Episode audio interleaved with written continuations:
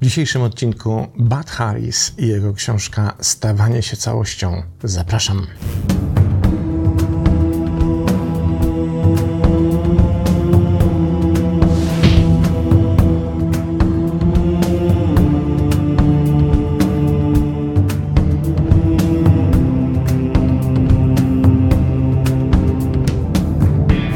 Tym razem w cyklu Niewidzialne Książki mamy do czynienia z kolejnym kwiatkiem, a właściwie autorem w roli kwiatka. W tym znaczeniu, że pomimo całej rozpoznawalności tego nazwiska i naprawdę dużej ilości wydanych i bardzo znanych i popularnych książek, u nas niestety nie znamy ani jednej. Ale przyjrzyjmy się na początku, kim nasz kwiatek, czyli autor, jest. Bud Harris, a właściwie doktor Bud Harris, jest jednym z najbardziej płodnych autorów jungowskich naszych czasów. Jest autorem i współautorem 18 książek.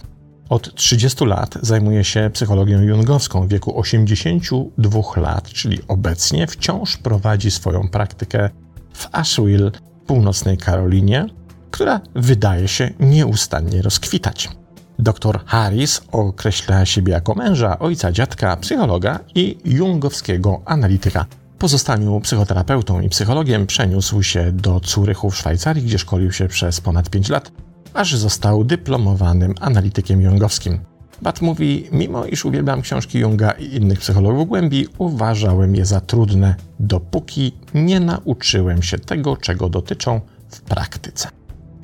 Bat i jego żona, Massimilla, poznali się właśnie w Curychu, gdzie oboje studiowali Junga i są współautorami dwóch książek. Massimilla urodziła się i dorastała w Weronie we Włoszech.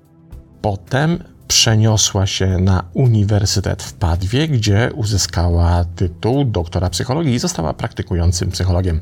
Bat i Massimilla mieszkają i praktykują w Asheville, północnej Karolinie, prowadząc wykłady terapię i oczywiście nadal piszą. I przejdźmy może do pierwszego fragmentu.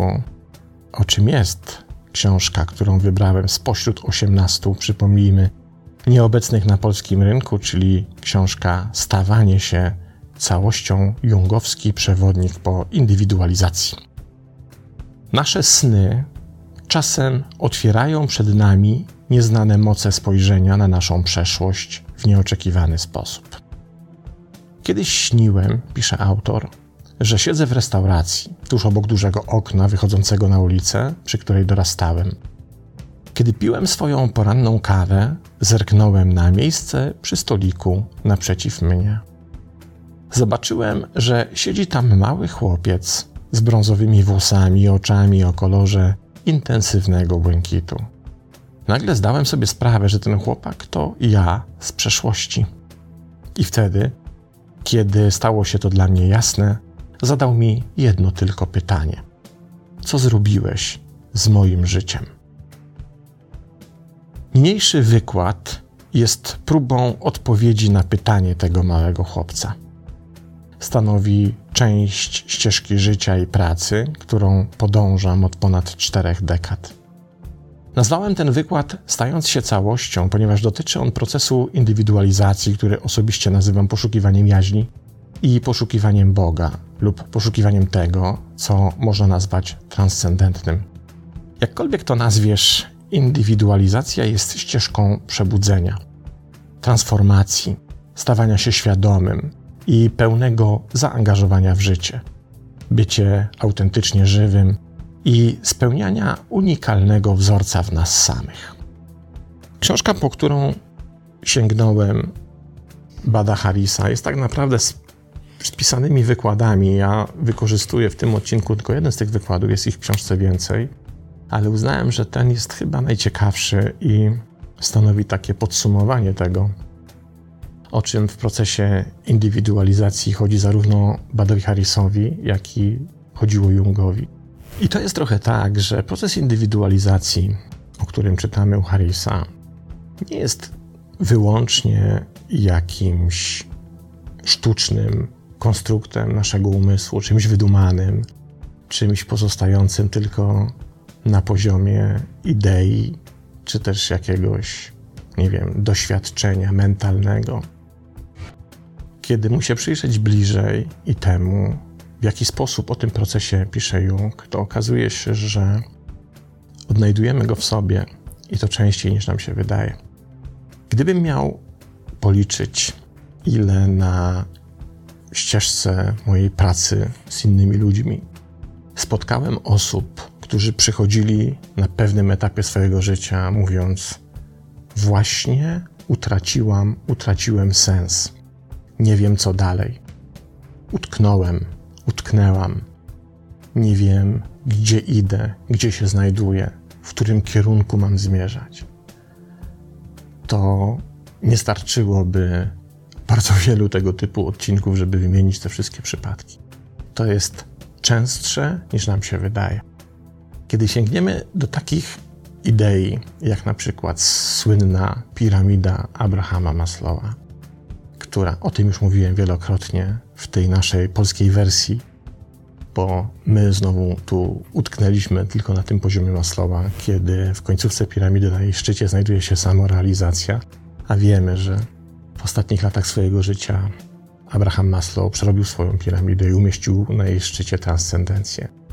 Więc nawet jeśli przyjrzymy się tej idei, to zobaczymy, że nawet ten proces samorealizacji, który wydaje nam się wieńczyć dzieło życia, on w pewnym momencie niejako zostaje zablokowany, ponieważ okazuje się, że wszystko to, co mogliśmy zrealizować, czy też to, co wcześniej uznawaliśmy za realizowalne, czy też potrzebne w życiu, tak naprawdę nie daje nam tego, co spodziewaliśmy się otrzymać. Nie daje nam ani szczęścia, ani ukojenia, ani spełnienia, ani zadowolenia.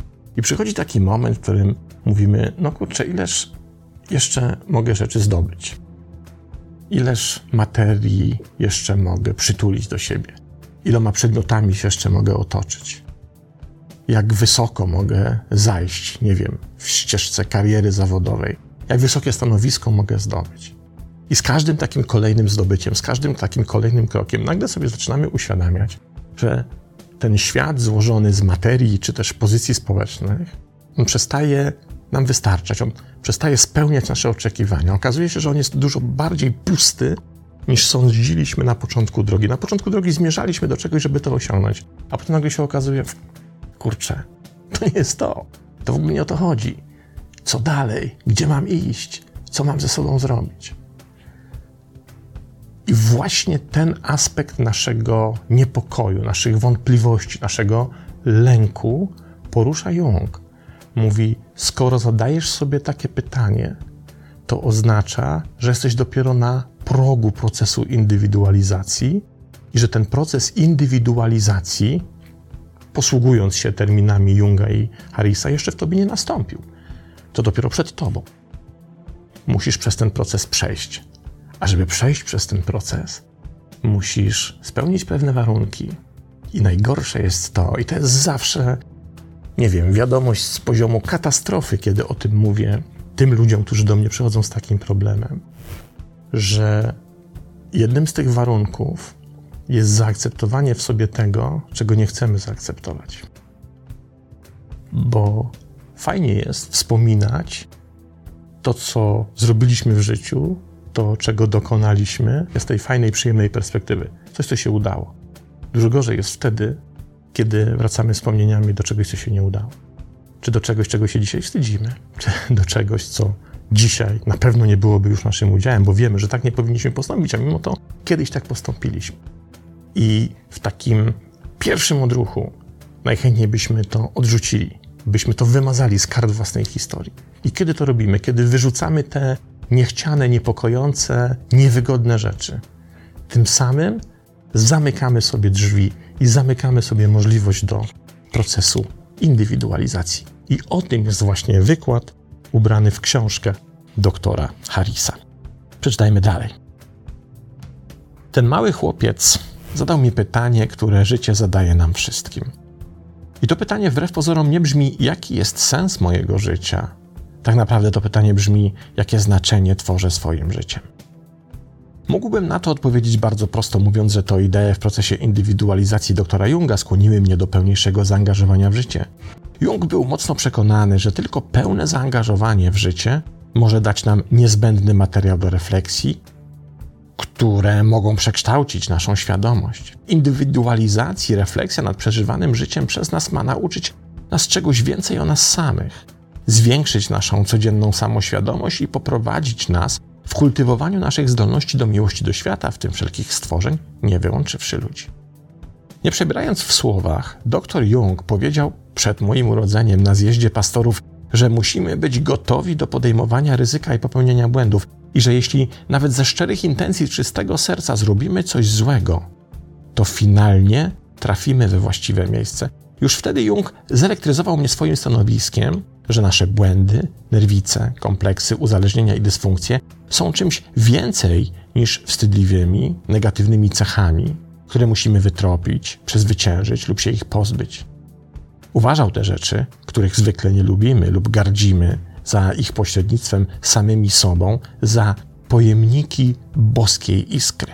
W sposób, który jest dla nas wymagający i trudny do zrozumienia, prawdziwy rozwój zwykle zaczyna się od poważnego problemu blokady w naszym życiu, załamania lub poważnej choroby albo ogólnego niepokoju, który wzywa do zmiany podstawowej struktury tego, jak postrzegamy siebie i życie. Musimy również pamiętać, że głęboko w naszych osobowościach nasze ego zawsze przedkłada wygodę i bezpieczeństwo nad transformację. Musimy więc zmierzyć się z nieprzyjemną rzeczywistością, że dążenie do samopoznania oznacza, że kwestionujemy każdy aspekt konwencjonalnej mądrości, naszej religii lub jej braku, nasze wyobrażenia o tym, czym jest miłość, nasze podejście do rozwiązywania problemów, nasze idee pokoju i wartości walki, wartości cierpienia i znaczenia nieszczęścia w naszym życiu. Cóż tak naprawdę mówi nam dr Harris? Mówi o tym, że kiedy wykazujemy się taką tendencją, a większość z nas to robi, by rozpamiętywać swoje życie przeszłe, to często myślimy sobie o tym, co by było, gdybym wiedział to, co dzisiaj wiem 10 lat temu, 20 lat temu. Ilu błędów mógłbym się ustrzec? Przed iloma porażkami mógłbym się ochronić, mógłbym ich nie doświadczyć? Ile złych decyzji nie zostałoby podjętych, jakichś katastrofalnych dla nas wyborów itd. Tak Tylko problem w tym, że gdyby nie te wszystkie rzeczy, nie byłoby nas teraz tutaj. Gdyby nie to, co się stało, nie bylibyśmy tym, kim teraz jesteśmy. Proces indywidualizacji polega na tym, że akceptujemy nie tylko to, co zrobiliśmy w życiu ok, nie tylko to, co nam się dzisiaj podoba z dzisiejszej perspektywy, nie tylko to, z czego jesteśmy dumni, zadowoleni, czym się chcemy pochwalić, ale akceptujemy również te rzeczy, które zrobiliśmy źle, których już byśmy dzisiaj nie powtórzyli. To, że kiedyś postąpiliśmy w taki sposób, którego się na przykład dzisiaj wstydzimy, którego dzisiaj żałujemy, które napawa nas dzisiaj taką, no nie chcę powiedzieć, że odrazą, ale pewnym żenującym wzburzeniem. Mówimy, Jezus, jak mogliśmy coś takiego powiedzieć, coś takiego zrobić, do czegoś takiego dopuścić. I najchętniej byśmy się tych rzeczy pozbyli z naszego życia i staramy się ich pozbywać. I uważamy, że pozbywanie się ich, zakopywanie ich gdzieś w ogródku, żeby ich nie było widać, jest ok, bo one nas nie dotyczą. Nie. Wtedy pozbywamy się części fundamentu, który nas stworzył. Bez tych rzeczy nie bylibyśmy teraz tacy, jacy jesteśmy. I proces indywidualizacji, o czym opowiada dr Harris, jest procesem, w którym akceptujesz to, że zostałaś, zostałeś stworzony również przez swoje błędy, porażki, złe decyzje i całą masę rzeczy, których dzisiaj byś nie powtórzyła, czy też nie powtórzył. I to jest właśnie to, na co zwraca uwagę Harris i co może bardzo poważnie przewartościować nasze myślenie o nas samych. Kolejny fragment. Tu już wyjaśnia dr Harris, o co chodzi. Mówiąc najprościej, indywidualizacja dotyczy transformacji. Oznacza to gotowość do objęcia przez całe życie pełnoprawnej metamorfozy, analogicznej do tego, jak gąsienica staje się motylem. Oznacza to porzucenie definiujących cech, które składają się na naszą tożsamość, aby stać się czymś dodatkowo wzmacnianym przez jaźń, przez duże J, tą boską iskrą w nas. Ból w tym procesie to ból przełamywania własnych ograniczeń. Radość to nasza zwiększona zdolność do życia i czucia się jak u siebie w domu oraz doświadczania naszej pełni. Nie jest łatwym zadaniem nauczyć się postrzegać naszą depresję, lęk, wagę, problemy w związku, uzależnienia i choroby jako wysiłki naszej psychiki, aby nas uzdrowić, jako objawy, które próbują nas skłonić do zmiany w sposób, który pomoże nam w życiu stać się lepszym na głębszym poziomie. Ideą Junga jest to, że jeśli mamy odwagę rozwinąć cechy i argumenty dla każdej strony sprzeczności, co oznacza doprowadzenie każdego przeciwnego bieguna do pełnej świadomości, a następnie utrzymać oba w tej pełnej świadomości, wtedy napięcie między tymi przeciwstawnymi perspektywami stanie się źródłem nowej, twórczej energii w nieświadomości, która da nam rozwiązanie wykraczające poza to, co moglibyśmy racjonalnie wymyślić. Jung nazwał ten proces funkcją transcendentną. Proces dorastania i adaptacji pozostawia nas z ego, które składa się z rzeczy, z którymi się utożsamiamy z tego czy innego powodu, albo poprzez adaptację, bunt, albo odmowę dorastania. Wierzymy wtedy, że wiemy, czego chcemy, w co wierzymy, w co myślimy, że możemy zrobić, w co wierzymy, że kochamy, w co wierzymy, że cenimy i co uważamy za cel naszego życia. Ze względu na sposób, w jaki nasze środowisko wpłynęło na nas, gdy się rozwijaliśmy, ze względu na sposób, w jaki doświadczaliśmy miłości, nauczyliśmy się instynktownie oczekiwać, że świat będzie bezpieczny i wspierający, wrogi i izolujący, a także z powodu innych sposobów, w jakie byliśmy zranieni lub afirmowani, my musieliśmy się dostosować. I ta adaptacja ukształtowała nas jednostronnie, ponieważ musieliśmy tłumić części nas samych, aby spróbować zdobyć poczucie bezpieczeństwa. Stłumione konflikty cieni łatwo stają się fizycznymi problemami.